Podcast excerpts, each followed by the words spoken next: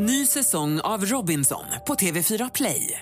Hetta, storm, hunger. Det har hela tiden varit en kamp.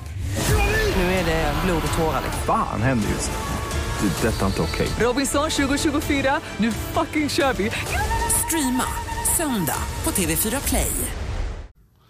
Hej och varmt välkomna till... Varmt välkomna. Ja, det, är ju, det, det är väl, passar väl fint. Ja, ja nej, kör det. ja Varmt vi kör på det.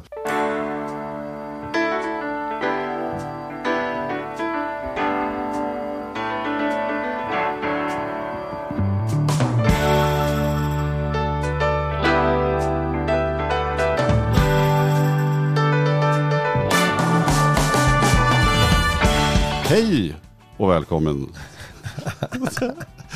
Ni är i alla fall välkomna till Charlie och Mattias ekonomipodd som heter Ekonomi på riktigt. Mm. Mm. Så är det. Eh, är är det. bra med dig? Ja, Vet du vad vi ska börja med att passa på och skicka en liten kärleksförklaring till våran eh, sponsor, partner Compriser. ja det ska vi. Mm. Jämförelsesajten på nätet där du kan gå in och jämföra privatekonomiska tjänster. Istället för att sitta och betala en massa extra på bilförsäkringen eller på bolånet eller på el, alltså hur mycket som helst. Mm. Så fixar de det. Mm. Det är lätt och smidigt. Så att, eh, gå in på compriser.se. Och hänger man kvar hela programmet, vilket jag tycker man borde av alla anledningar, men då får man en liten extra godispåse. Som Mm, det. Tips från Compriser. Mm. Kristina där, det är ju ja, superkul. Ja, det hade vi kul när vi spelade in. Jag kan ju avslöja att hon kommer inte sitta här live och hoppa upp, utan det har vi förberett den lilla. Ja, så är det. Ja, mm, det var roligt. Hörru du, ehm, jag håller på att försöka lära mig en ny rutin. Jag, Är det toalocket? Nej, det är Nej. inte det. Nej. Nej. men jag, jag är ju fascinerad av en så kallad, eller jag har alltid, alltid gillat så kallade bögslungor. Om du vet vad det är. Och det här känner jag igen. Eh, Vad är en bögslunga? är det den här midjeväskan som turister har, eller? Ja, du är rätt på det, men det, det är en, en, Det är en handväska, handväska. som, Ja. som min pappa eh, alltid hade. Jag minns ju liksom 70-talet. Sen de Kameraväska använde min pappa. Så. Ja, just det. Men det är som en liten väska, sen så har du också en liten snodd på den. Handled, just det. Handledsväska. Mm. Kall- Jag vet inte varför det kallas bögslunga. Och det är väl skitsamma i sammanhanget. Men Kan vi väl gissa. jag älskar Mm. bögslungor i alla fall. Eller den typen av väska. Eh, Fast jag har ju då aldrig haft någon. Så jag har letat och letat och sen har jag inte hittat något tills min fru sa, men du har ju fått en väska av mig för länge sedan. Alltså som är en handväska med, med skärp. Här kan, du- eller med, här kan du titta på. Ja, En sån liten. Och det, lite den- så, och lite rutig. Ja, Ja, Den det, det är är liksom en, cool. ja och det, men, men jag får ju inte in rutiner. Därför att jag har alltid så här, nu när det har varit sommar så är det ju eh, solglasögon är cool att ha med. Och sen så har jag så här lurar till telefonen. Mm. Och läsglasögon. Läsglasögon är ytterligare en sak. Ja. Eh, överfallslarm. Roddar. nej men du är så jävla gammal. Nycklar. Ja men du vet, det är lite pet man ska ha med Ja, sig. Ja, men ja. alltså, normalt sett brukar det vara plånbok, telefon och nycklar. Och tyvärr har jag också en snusdosa. Så när jag går ut så brukar jag ha fyra saker. Och tänker så Mm. har jag mina fyra saker? Sen b- la jag om en rutin för ett år sedan där jag skaffade plånboksskal till min Mm. telefon. Då var det ju en sak mindre. Så var det bara tre saker plötsligt. behöver man bara slå sig på ena fickan, man behöver inte slå sig på båda. Nej, och då känner man sig, okej, jag är hemma. Men nu när man är lite mindre klädd, och det här är inget problem på vintern. Därför då har man gott om fickor och, och grejer. Men när man, när man nu, när det är sommartider och så, så är det ju inte så. Plus att jag då vill addera lurarna, eh, som jag vill ha med mig, och jag vill addera glasögonen, och tyvärr nu måste addera läsglasögonen. Så då är det ju en 6-7 prylar. Och nu känns det så jädra avigt när jag inte känner att jag har någonting i fickan. Utan jag har den här väskan. Jag förstår. Så att du tänker att shit, jag har glömt grejerna. Nej, Så just det, det är Är det väskan. någon som råkar ha något tips på Men det du här? glömmer inte väskan. Det är inte som att du... Nej, ja, men det är "Åh, det jag är så rädd bussen." för. Men jag har precis börjat. Jag är livrädd för. För Ja. Mm. det finns inte i mig att ha en väska. Och det känns lite avigt att hänga på sig en handväska. Mm-hmm. Det är någonting i mig som säger att det här känns lite konstigt. Du får öva på den då. Det är mest Mm. tjejer och coola snubbar som har sån väska. Och jag är varken det ena eller det andra. Ja. Mm. Så att- ja. Jag skulle nog ändå säga att du är en cool snubbe. Ja, det är där snälla. du hamnar Du är gullig, men det är ja, därför nej, vi men- poddar ihop. Vi tycker Ja, men, ja. Mm. Ja, tack jag för förstår. Då, sen tycker jag också om ni som lyssnar som har en, någon eh, högre handväskskompetens, ge också Mattias lite tips på, gärna gå in på vår Facebook-sida och ge tips på vad är det man mer alltid borde ha i handväskan. För Mm. är liksom, vissa har ju en sån här hand, handväsk-fu Ja, Som bara så här, du vet, nej, men säkerhetsnål, det har jag alltid i handväskan. Finns Just alltid det. ett par Ipren i handväskan. Finns ah, alltid där en, liksom, då kan man ju ha lite, puts- lite attiraljer. Putstrasan till Ja. glasögon, det har jag i handväskan. Det För, för att göra det här till ett lite större problem är också då att i en bögslunga eller i en handväska så får du ju inte plats med datorn. Så ibland så när jag har datorväskan Mm. så måste ju väskan vara så, den andra väskan vara så liten så den kan åka i datorväskan. mm, jag förstår. Alltså jag har problem med det här, du hör det. Jag undrar också nu förresten om det är helt politiskt korrekt att säga bögslunga. Men det är det, Det tror jag inte. Det. Men det får vi bjuda på. Vi, har Ja. inga, vi menar inget illa åt något håll med Nej. detta. Nej.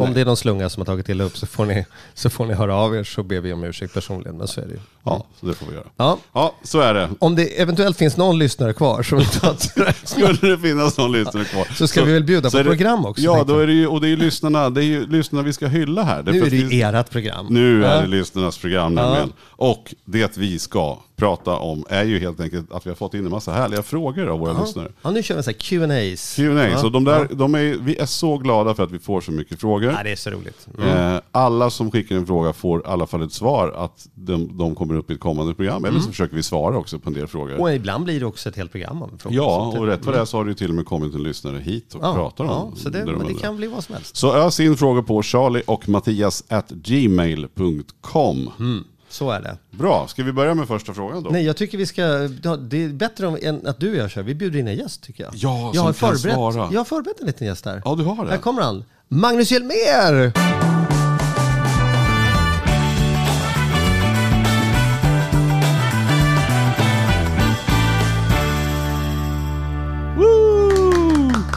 Tjena! Det är ju så att om vi ska svara på frågor så, så vill vi ju inte sitta här eh, Och killgissa. och, och se lite tokiga ut. Så då vill man ju ta in en expert Som kan rätta oss. som kan rätta oss när vi har fel. Vilket i och för sig aldrig än, äh, ja, vilket är, ja, vi, ni hör ju, vi behöver ha Magnus här när vi ska ha den här experten. Hur är du på handväskfronten Magnus? Har du... Eh, dåligt med handväskor men har alltid, i och med att jag är ute och reser i jobbet och eh, från Gävle till Stockholm ofta, så har jag en datorväska. Där ryms det mycket.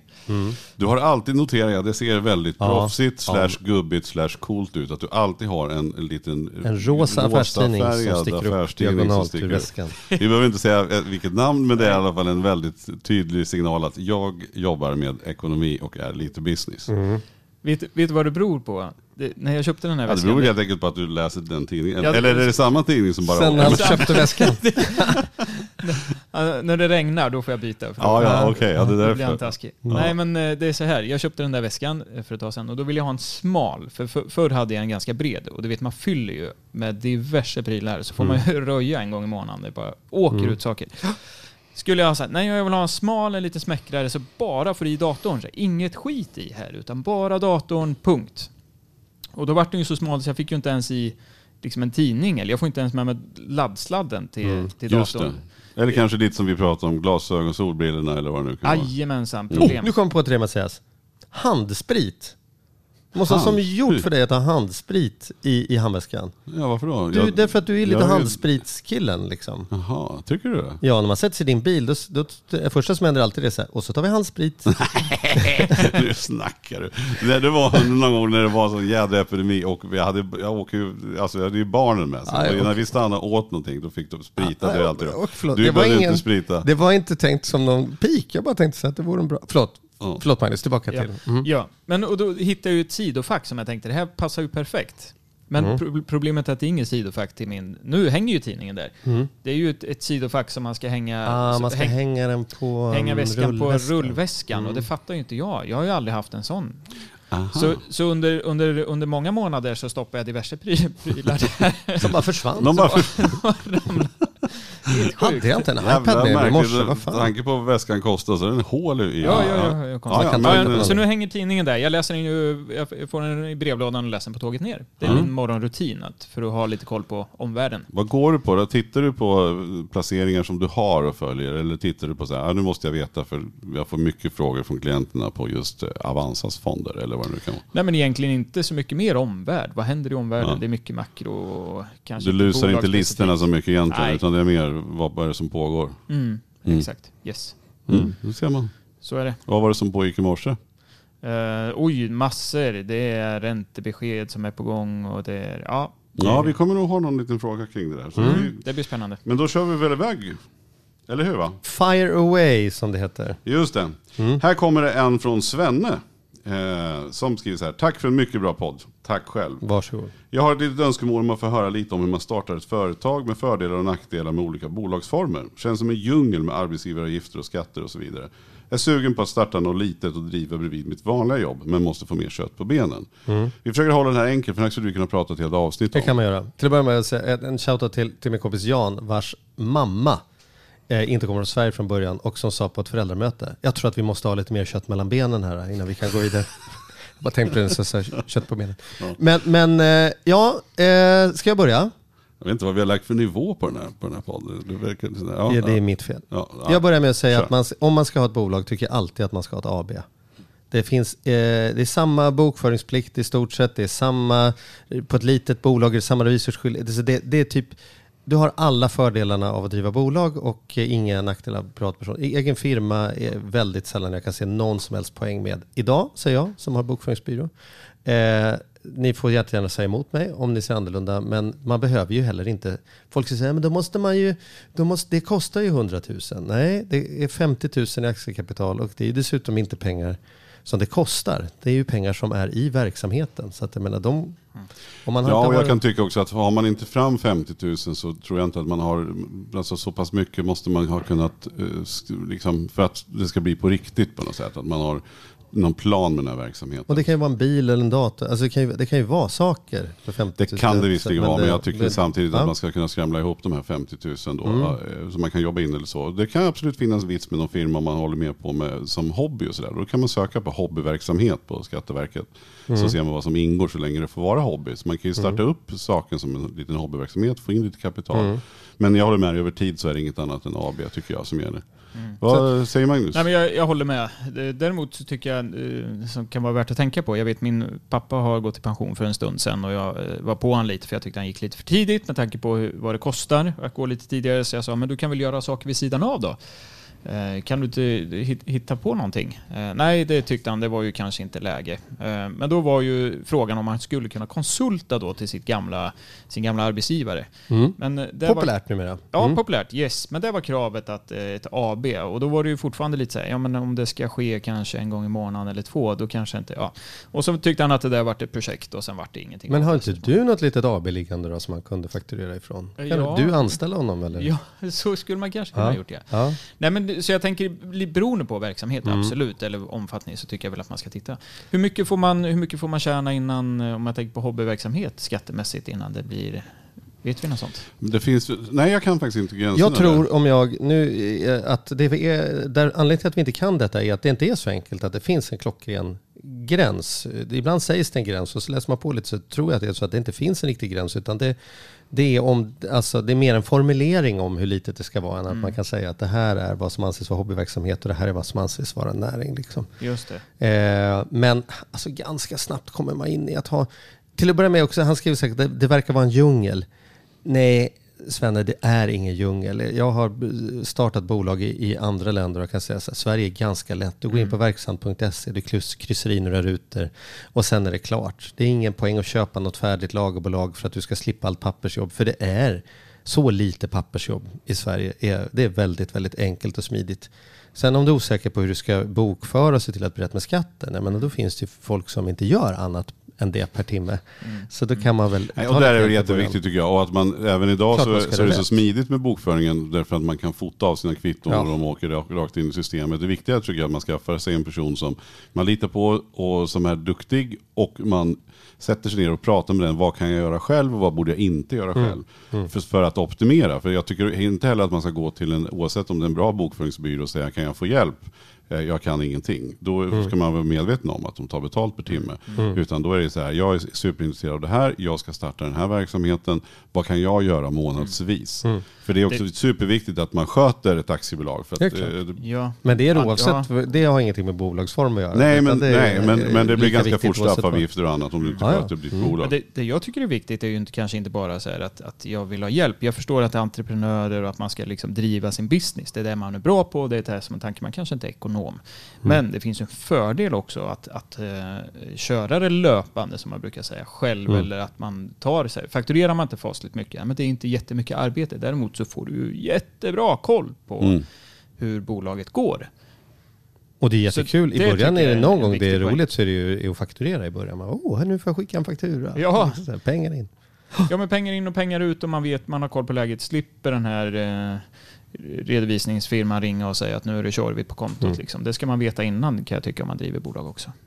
Ja men det räckte väl som svar va? Ja, men jag tycker det. Och sen Ja. så finns det ju så oerhört mycket bra information att hitta på Ja. nätet kring det här. Om du bara söker starta eget så, så kommer du hinna. Så det, det är absolut inte någon fara. behöver inte vara orolig. Tänk om det fanns ett telefonnummer man kunde ringa typ när som helst och bara ställa frågor om vad som är rätt och fel med skatt på bolag och grejer. Och det gör det. Det har Mm. vi redan det det skattefinansierat och klart. Precis, det är redan färdigt. Det är redan färdigt, det är bara ringa. Så hjälper de dig gratis. Ja men absolut, så Mm. ta tag i det och kör. Det, så är det.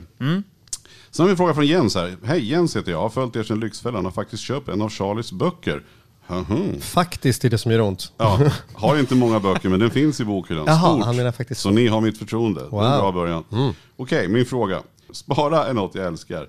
Inte bra på det, men det är som, ett, som en eget projekt, dröm, hopp till något framöver. En trygghet, kontroll. Samtidigt har jag en stressig syn på livet. Det spröda och okontrollerbara. Jag vill uppleva nästan allt. Teknik, mat, resor och så vidare. Min far gick, väldigt, gick bort väldigt hastigt, helt plötsligt. Min bästa vän och idol. Jag hade massa företag, en ny familj, nära bristningsgränsen på vad jag klarar av. Sen försvann han. Då jobbade jag mer. Punkt, punkt, punkt. Efter ett tag insåg jag att livet är kort, på riktigt. Sålde nästan allt och jobbade som andra, alla andra i åtta timmar. Men döden avslutar alltid närheten hos mig. Förlåt min bitterhet, försöker bara bilda en snabb bild på vad jag har på eh, bild jag har på livets begränsningar. Så pens- pensionssparande, att säga upp, neka till upplevelser, dra ner på livets goda för att kunna spara något. Det är svårt. Genom Lyxfällan måste ni ha träffat massor med mä- människor som har min diagnos. Jag, men jag ser bieffekterna så jag tar inga skulder alls. Mest inget tålamod. Nu till sist, hur får man ett tålamod, hur får man ett tålamod att se långt framåt? Hur sorterar man sin energi? För tusen spänn kan jag köpa en kopp kaffe 40 gånger. Under 40 gånger, fik, under 40 gånger fikat blir det nog mer sti- stimulerad än att spara. Hoppas ni fattar mitt exempel. Var luddig men det känns som jag redan vet svaret men ändå inte. Vill inte adoptera en 41-åring och vägleda honom i livets hårda skola. Sorry om ni inte förstår allt jag skrivit. Min skrift är inte min starka sida. Superbra pedagogiskt program. Klockrent. Skriver Jens. Jens, Men jag tycker, vi, jag tycker jag förstår hans fråga. Det är väl väldigt tydlig fråga. Det är ju den här komp- ständiga kompromissen mellan att njuta nu och sätta av sen. Mm. Det är viktigt med pension, men vad är det för poäng? Man vet ju inte om man är död imorgon liksom. Carpe diem versus ISK liksom. Var Mm. står vi i det? Känner du att du brottas med detta någonting, Magnus? Eller? Nej, men nej, det gör jag faktiskt inte. Ehm, nej, det gör jag inte. Jag, jag förstår problematiken, jag förstår utmaningen.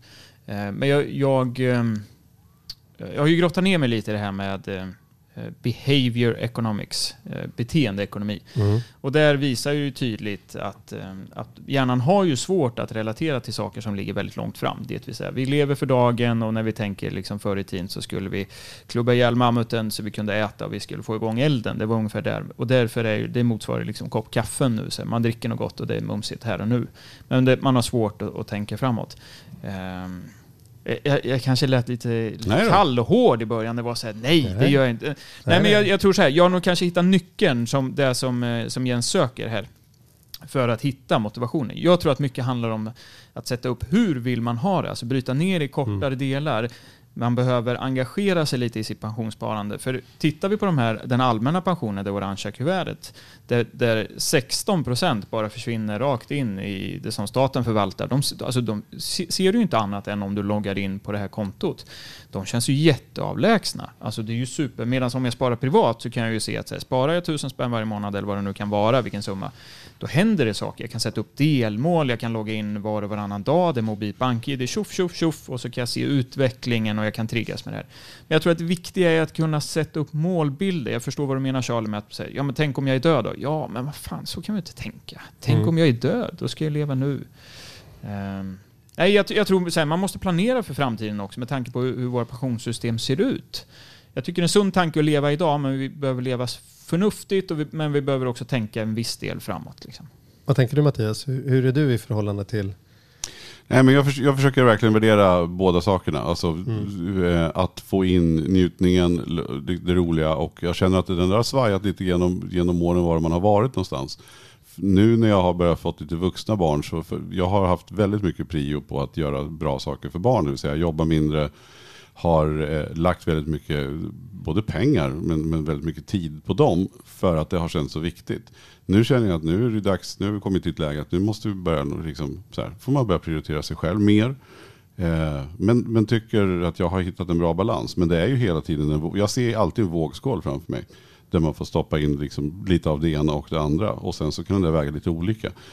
Eh, men hur känner du? För jag menar, du, du Charlie har ju ändå, du är ju inne i ett läge nu att du ska nog flytta till Spanien snart. Du har ju drivit väldigt hårt under alla år vi har känts med att, att köra Och jag bolag och driva på. semi-retired. Ja, nu är det Mm. liksom eh, gå runt lite manana och lite, lite sådana flipflops nästan på. Mm. Och, och, och vet inte om du ska flytta till Spanien i år eller nästa år. Eller. Nej. Så var det du då? Nej men jag tänker väl att, eh, eh, gud, vad tänker jag om det där? Jag har aldrig upplevt det som en så stor konflikt. Därför att dels har jag insett att, att eh, de här försakningarna han pratar om, att man ska sitta och bita ihop och gneta och spara. Det upplever inte jag, om man lägger en bra plan från början, då vänjer man sig väldigt fort.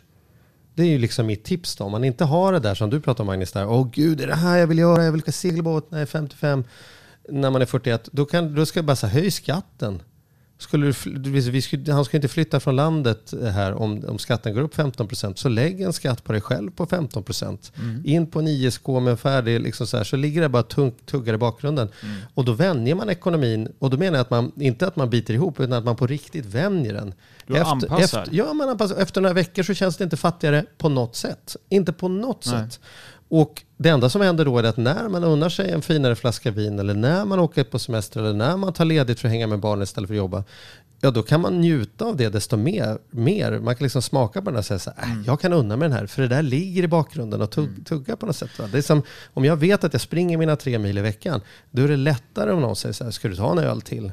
Ah, jag tar en öl till. Det, det, det, det är inga problem, för jag vet att jag har tagit hand om det där i bakgrunden. Så för mig ger det ena det andra. Långsiktighet ger mig ramarna att våga vara mer i nuet. Och ju mer jag är i nuet, ju mer närvarande blir jag på att jag kommer vilja fortsätta vara i nuet längre fram. Och då vill jag inte känna att det är en baksmälla jag har. Liksom. Där tror jag du har en poäng Charlie. Jag tror verkligen, jag, jag brukar tänka på det här om man får löneökning. Mm. Eh, Det finns ju teorier som säger att, att omedvetet så ökar konsumtionen om man ökar, så man har ungefär samma kvar. Alltså, Jag, jag bränner mer pengar med ungefär samma kvar på kontot efter. Liksom.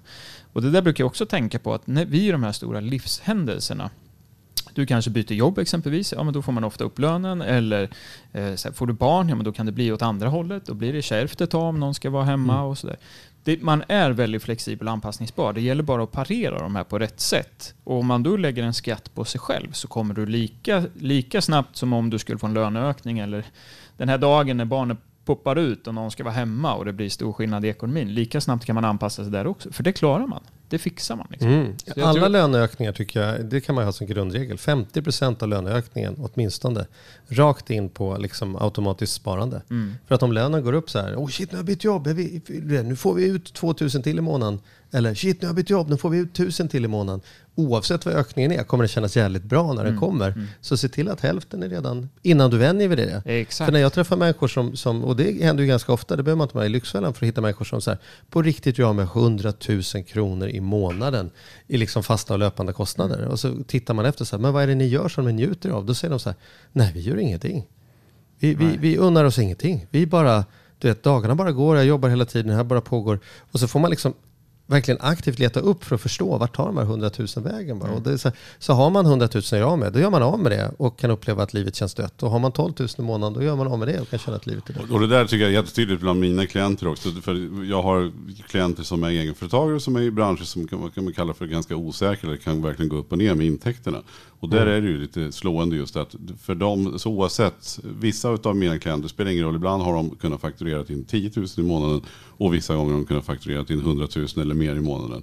Men det är alltid ungefär lika mycket kvar på kontot i månaden är slut. Det spelar ingen roll hur mycket de tycks dra in, utan det tar bara slut. Och det kan jag tycka är lite lite sorgligt. För någonstans att, att kunna ändå bunkra undan och ändå spara är ju oavsett vad man säger så är en trygghet som jag tror alla mår ganska bra av. Att försöka hitta en, en, en, viss, en viss trygghet där. Och där vi kan konstatera att ha lån, krediter för att göra förnöjen och sånt. Det är inget bra över tid. Det spelar ingen roll. Men då är det min tes liksom, så till, till våran kära lyssnare här som till och med köpt en bok av mig.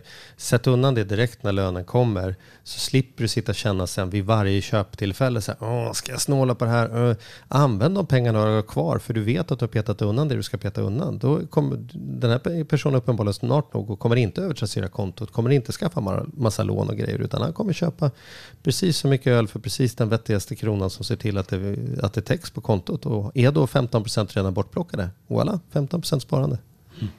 Ja, och på tal om sparande då. Eh, så du hade inget mer att tillägga där Magnus? Nej, nej, jag tänkte på de här fikan. Om Jens fikar ute så kan jag tycka att en kaffekopp hemma kostar ungefär två kronor eh, att brygga tillsammans med elen och eh, allting.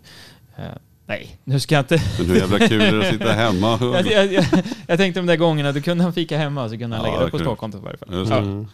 Ja, nej, men vi Ja. förstår. Det är en bra, jätteintressant fråga. Mm. Eh, Så, att, så att jobba på att verkligen försöka tänka efter vad du vill ha och se till att du ändå har en viss buffert. Det kommer du må gott av. Eh, Så är det. Och då vill bara säga som en sista där, apropå kaffet då. Snarare skulle jag säga så här att han ska unna sig mer. Alltså istället för att köra, köpa 10 koppar kaffe om dagen för 15 kronor. Köp en kopp riktigt jävla 40-50 kronors finkaffe som du känner så här, nu lyxar jag till det rejält och njuter av den. Och ta bort de där kopparna som ändå bara var så här, du vet, nappflaska att hålla i på vägen på bussen. Liksom. Så skulle jag säga. Gå någonstans där de stoppar in slipsen i skjortan när de står där och pyser i maskinerna och säger så här är en riktig unnande. För det blir ändå mindre pengar om man unnar sig en gång rejält än om man håller på små, Så småkostnader du hela menar att när man unnar sig, då unnar man sig och då ska man unna sig rejält. Att vi fortfarande inte haft Edvard Blom som gäst i den här podden är ju ett Men på tal om då det här med, hur mycket man ska ha då och vi pr- så pratar om att ha en buffert. Så har Maria skrivit så här. Hej, tack för mycket bra program. Jag tycker dags att vi ska berätta vad begreppet årslön som buffert egentligen betyder. Det borde vara en årslön minus garanterade inkomster, skriver hon. Säg att du har en månadslön på 20 000 kronor. Vid arbetslöshet eller sjukdom får du istället 12 000 netto. Om du dessutom av din ordinarie månadslön brukar spara 2 000 per månad så kan du minska ditt buffertbehov. För då tar du en paus i sparandet. Låt säga att du har två barn som du får barnbidrag för. Det är ytterligare 2 200 kronor som är garanterad inkomst varje månad. Skillnaden mellan din nettolön minus sparande, barnbidrag och ersättning från försäkrings eller arbetslöshetskassan blir alltså det du behöver bygga en buffert av. Är du med Charlie? I det här fallet så är beräkningen följande. 20 000 minus 12 minus 2,2 eh, minus 2 är lika med 3 008 varje månad.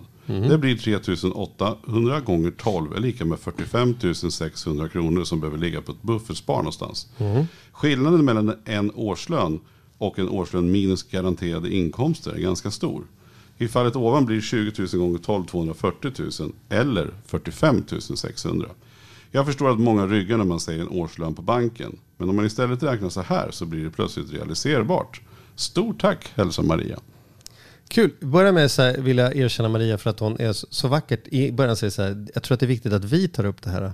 Att hon verkligen känner att hon är en del av podden på den nivån. Att hon inte säger så här, ni borde prata om det, utan vi ska prata om det. Ja, men visst var det Ja. kul? Det var egentligen ingen fråga utan det var mer ett påstående. Ja. Men, men det är kul att reflektera lite kring det. Magnus, det här, nu ser det ut som du skruvar. Som jag vill säga något. Ja, det ser ut som du är på hugget. Ja, nej men ehm, ja, jag sitter och funderar här på vad, vad Maria menar med buffert. För mig, bara för att reda ut begreppen så vi pratar om samma saker, men för mig är ett buffertsparande något som jag har utifall någon oväntad händelse. Det vill säga om bilen pajar, om kylskåpet pajar, om det blir saker ofta relaterat till hemmet. Det brukar jag kalla för buffertsparande. Så här behöver jag ställa om lite.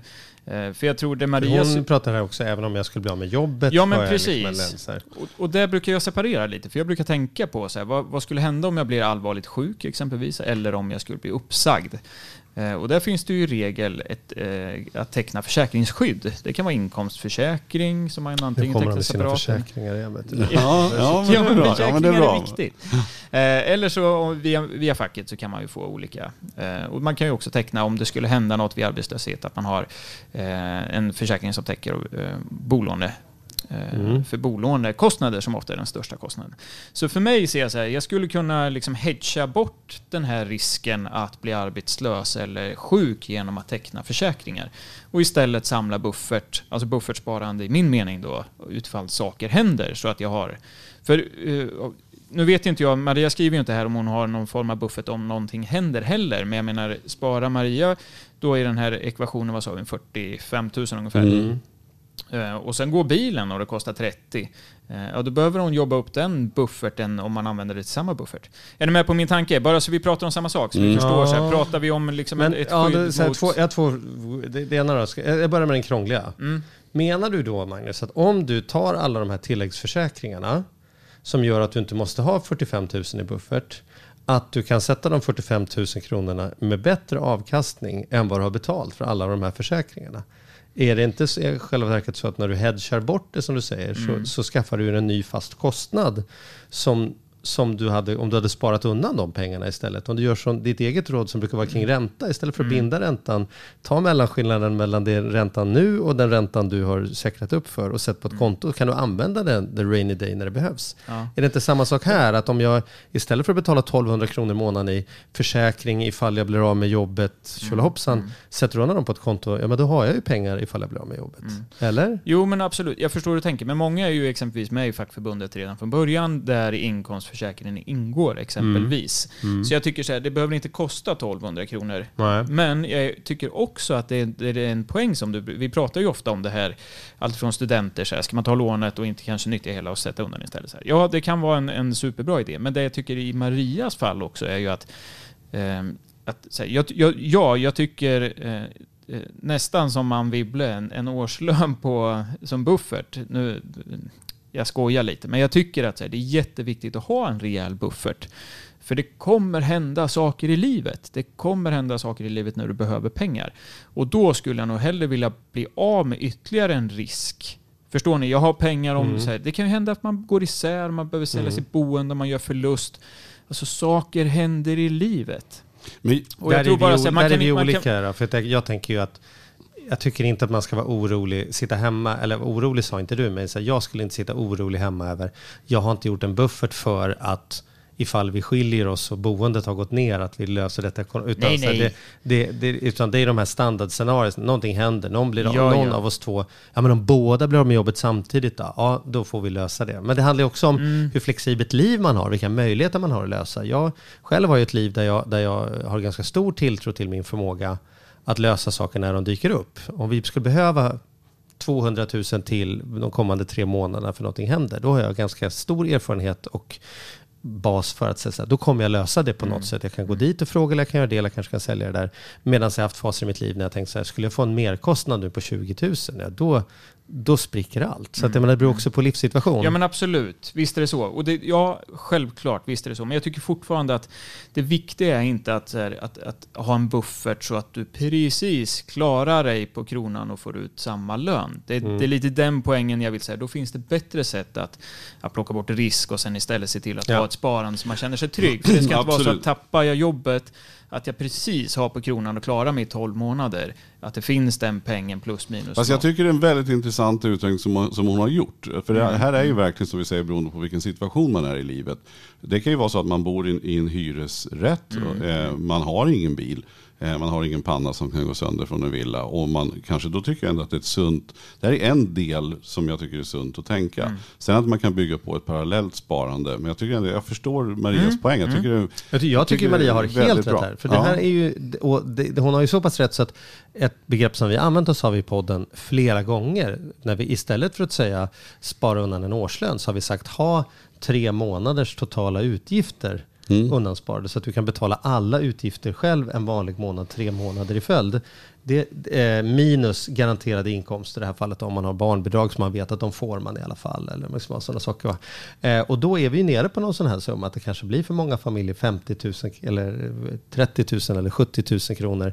Som gör att så här, nu vet vi att kraschar det här i tre månader och är det så här, nej nu måste jag vara hemma. Primus liksom är så pass dålig så att jag struntar i om det finns några intyg eller sådana saker. Jag säger till kontoret, jag kommer inte. Och då säger de, då får du ingen lön. Nej, det skiter jag i, för, men nu är det han som gäller här. Då ska det finnas pengar för tre månader utan att det ska vara liksom, ett stort problem. Men om, det, om frysen går sönder då samtidigt och dessutom krockar med bilen och dessutom måste sälja huset för vi måste skilja oss. Ja, det är klart, den bufferten ligger ju inte. Men det får man ju hoppas då att man har ett långsiktigt sparande, särskilt från buffertsparandet. Mm, Buffertsparandet är ju den här akut, som egentligen hade kunnat varit ett checkkredit på ett kort som man Mm. har fryst in i frysen och vet att man kan tina upp om det skulle behövas. Liksom. Ja. Jag tycker bara en, en sista kommentar där som jag tycker är viktigt. Jag har en, en gammal god vän, han säger alltid det finns tre ben att stå på. Det är relationen och det är arbetet och sen är det ekonomin. Och han har sagt att när det sviktar i något av benen, då behöver de andra finnas där och liksom täcka till. Mm. Eh, Det vill säga, händer det någonting i familjen, behöver inte vara med dig själv eller att man går isär, men det, här, det kan vara sjukdom eller då behöver de andra, så här, då behöver jobbet finnas kvar eh, och då behöver eh, ekonomin finnas, liksom förutsättningar. Tvärtom, så här, händer det någonting på jobbet, ja men då behöver liksom, då kan, då är det bra om relationen står och fortfarande ekonomin finns. Och är det så att ekonomin skiter sig av någon anledning, man sätter allting på börsen och det går åt helvete, ja då lär du se till att ha det där jobbet. Eh, och att, att, att familjen finns där, för det är många stora kostnader i det. Jag tror så här, tänker man lite på de här benen, för jag håller med, det är klart att det är förutsättningar, men jag tror också att man behöver se till helheten. Mm. Eh, att det, det, det, man ska ju inte tro att det ska skaka överallt och att två ben faller undan, men det är en förutsättning är att man är välmående i de här tre benen. Mm. Sen om det innebär 45 000 eller en årslön, det tror jag är beroende på situation. Men håll i dem, för det kommer, det, det, är viktigt att se till att lösa alla tre. Snyggt. Jag Alltså, tänkte vi- vi skulle klämma in en, en eh, sista fråga här då. Mm. Är ni redo? Yes. Vi försöker. Vad bör man absolut och absolut inte köpa begagnat, undrar Charlie. Det är din namn här som Ja, upp. ja. Ja, då får vi du svara på den frågan då. Underkläder. Nej, här är någon typ av ekonomiskt perspektiv då, Mm. tänker man. Ja, precis. Vad bör Nej, man? vi måste nästan fråga Magnus som har liksom lite koll på detta. Men vi har ju pr- precis pratat om bil då. Att bil bör man ju absolut köpa begagnat, tänker jag. Mm. En annan sak som jag skulle säga att man absolut behöver, bör köpa begagnat om man ska ha någon ekonomisk poäng med det, det är ju boende. Att köpa nytt hus, att vara först in i en lägenhet och så vidare. Att man har valt kaklarna själv och köksgrejerna. Det kan ju vara en fantastisk lustfylld känsla. Men Att du har valt kaklarna, du ekonomiskt. menar de som har, du har valt vilka som gör sätter dit kakor? Ja, Jonsson och Jonsson och son är de som har fått göra kaklet och så. Ja, okej. Nej men ni förstår vad jag menar. Det ska Ja. jag säga, två gigantiska eh, liksom kostnadsposter där, där det definitivt lönar sig att eh, köpa begagnat är ju bil och eh, boende. Att vara den där som köper den där tomten och där modulhuset sätts upp. Det är ju eh, bara nu när fastighetspriserna har gått upp så hiskeligt mycket som man har fått igen de pengarna. Annars brukar man ju oftast förlora på det. Det kan ju vara okej om man vill det, men man får vara Ja, medveten om att Ja, det ja. är ingen Nej, ekonomisk uppsida. Nej, jag antar att frågan bygger Precis, på absolut. ekonomiskt, liksom, inte vad man liksom... Vad säger du Magnus?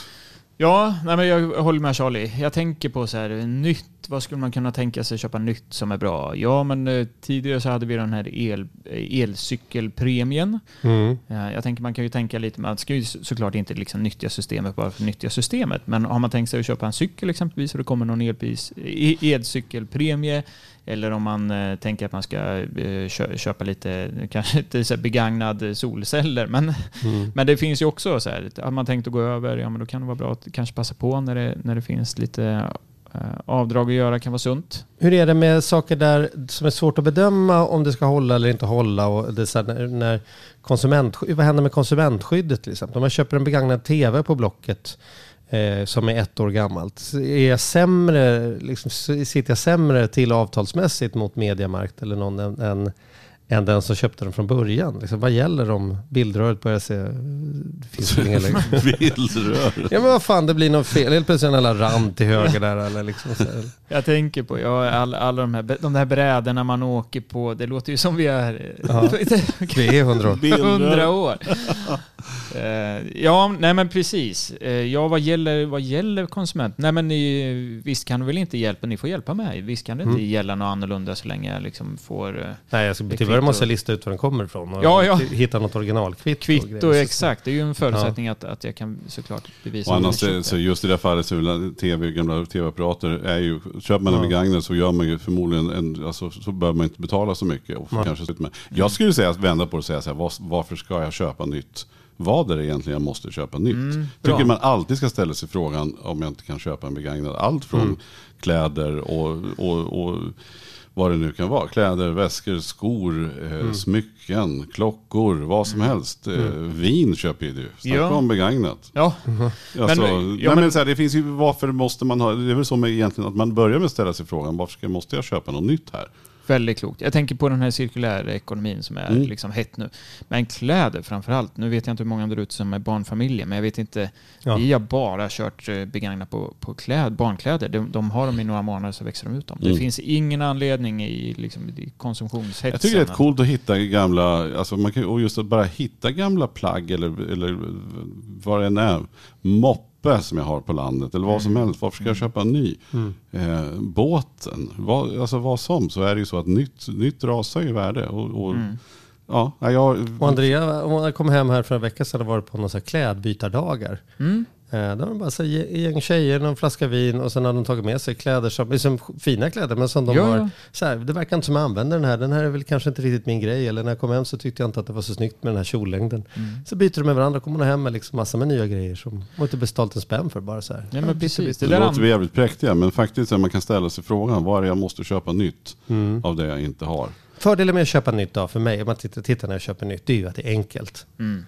Att det är så enkelt. Jag, ska, jag, ska liksom, jag, jag behöver ett soffbord och så går jag in på Ikea så vet jag att det finns där. Liksom. Eller istället för att åka ner i någon källare någonstans och leta begagnade bord i någon, hos någon antikhandlare och så fanns det inte där och så skrev jag på någon s- sommaraktion och stå med spade och så fick jag inte det där underredet jag ville ha i alla alltså, så, så det är ju det, tidsbesparandet, det är ju det jag åker dit på. När jag ska köpa ett par byxor, då går jag ju in i en byxaffär och så passar de så säger gud vad skönt, jag tar tre. Så liksom slipper jag prova byxor igen. Man ska liksom hålla på på Blocket och så se så här, mm, kan de vara stora i storlekarna? Det får jag googla. Alltså så här. Nej, precis. Ja, det är ju det. Och jag kan väl också tycka det. att vitvaror kanske, alltså just när det kommer till, till ja, allt från, från Mm. kylar och frysar och sånt där som inte funkar, som är rätt mäckigt att hålla på med om det inte passar. Det, det kanske inte är värt det. Tv-apparaten var du inne på tidigare. Mm. Eh, Jag vet inte, får man väl bedöma. Sen kan man ju vara en nörd. Jag har all respekt för de som är klädnördar och verkligen vill ha det senaste och prioritera lägga pengar på det. Jag har stor respekt för bilmänniskor också som älskar bilar och, och lever och har kul genom det. Vad den var. Men generellt sett så får man, tycker man var den ska ställa sig frågan.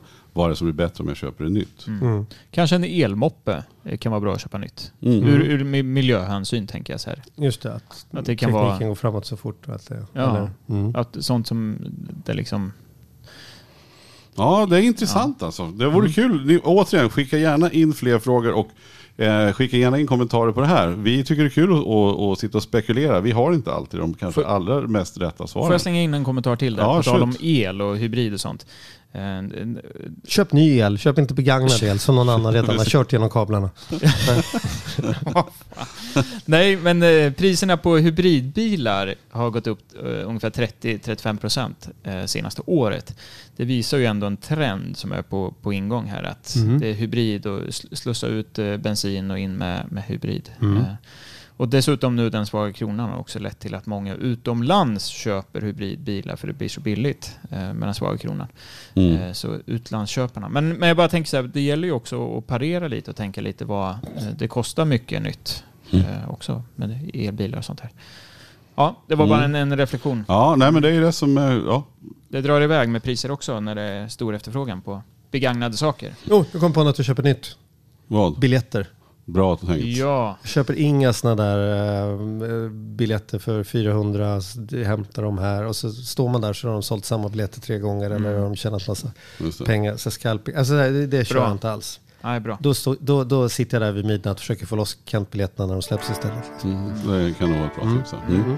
Nej men, men som sagt, tänk till. Det var en intressant fråga. Mm. Vi tackar Charlie för den och det var inte dig Charlie. Nej. Men jag tackar dig Charlie och Åh. dig Magnus för eh, dagens program. Tack för god match. Tack. Nu kommer Kristina. Hej! Veckans snabba med Kristina. Ja. Vad ska vi prata om idag Kristina? Tänkte vi ska prata om studielån och studiebidrag. Aha, har du studielån själv? Jag har precis betalat av dem faktiskt. Du har inga studielån? Nej, jag har aldrig haft några för jag har ju knappt studerat. Ja, och jag jobbade som jonglör för att slippa ta studielån. Så att, eh, då, Alla sätt är bra. då får du berätta för oss hur det här funkar då. Ja, man, får ju det, man ansöker om studielån om man studerar. Det finns vissa krav på skolor och sånt. Eh, hos CSN, Centrala studiemedelsnämnden, Eh, Sveriges kanske mest älskade myndighet. Ja, Är det väl? den är nog Ja. ganska oomtyckt, men de är väldigt eh, bra. De ger dig då ett, eh, ett eh, bidrag om du studerar och så kan du välja att också ta ett lån. Mm. Eh, och det är lite olika hur mycket du pluggar, men ungefär 11 000 i månaden får du ut om du tar max och pluggar Men, max. men en, en fråga som jag har kring det här, om man jobbar samtidigt, om man är student och sen så vill man jobba extra och kan göra det. Får man göra det och ändå få pengar? Det får man göra, men det finns en gräns då, ett, ett fribelopp som det heter och det är 90 000 på en termin om du pluggar fulltid. Får du jobba och tjäna Eh. Du får tjäna och ändå 90 kunna få 000 ut och ändå, precis, och ändå få fullt. Okej. Sen om du börjar tjäna mer, då dras det ner bidraget då. Lånet tror jag att du får, eh, får behålla, men Mm. bidraget försvinner. Är det ett bra lån? Det är ett säga. väldigt bra lån med en väldigt låg ränta. Mm. Det är också så att om du till exempel är arbetslös sen när du har pluggat klart, för att du, du, du ska ju börja betala sen eh, kalenderåret efter du har pluggat klart. Är du till exempel arbetslös då så kan du begära att, att få en lägre återbetalningstakt så att det inte är som ett vanligt lån att du måste betala. Och räntan är 0,16 procent just nu så den är superlåg. Mm. Så det är ett bra lån. Så att ska man är man liksom vuxen och ska betala tillbaka på sina lån så ska man inte betala extra snabbt på studielånet. Det är bättre att betala det på bolånet. En del gör det ändå, men det är mest av emotionella skäl. Att säga Man vill bli av med det på något sätt. Ja, men det, det är ganska dumt. Utan betala det du ska betala. Och förut var det att man betalade 4% på, på sin lön. Nu är det mer baserat på hur länge du ska betala tillbaka, vilken ränta och hur stort lån det är. Men det kan väl ändå vara ett tips att ändå inte låna mer än vad man behöver? Verkligen inte. Låna det du, be, det du behöver. Man var inte rädd heller för att studier är alltid bra tycker jag. Så att, eh, vet du vad du vill ha studierna till så, så börja plugga och ta studielån. Jag är tvärtom. Jag tycker inte studier alltid är bra. Först listar man ut var man ska åka, sen packar man väskan. Folk som åker och läser idéhistoria fyra år innan man listar ut hur de ska bli när de blir stora. Nej. Det tycker jag är slöseri med terminer. Jag förstår. Ja. Ja. Men alla är inte som du. All, tack och lov är det olika. Men, och sen får man ganska, ganska ofta får jag frågan, skrivs studielånet av om man dör? Eller kan man ärva sina föräldrars studielån? Och också eh, vid pensionen då. Ja. Eh, och den skrivs faktiskt av vid pension. Och också så skrivs det helt av om man dör. Så man kan aldrig ärva någons studielån. Det är bra att veta. Okej, jag. Så vid 64, då ska jag börja ta studielån.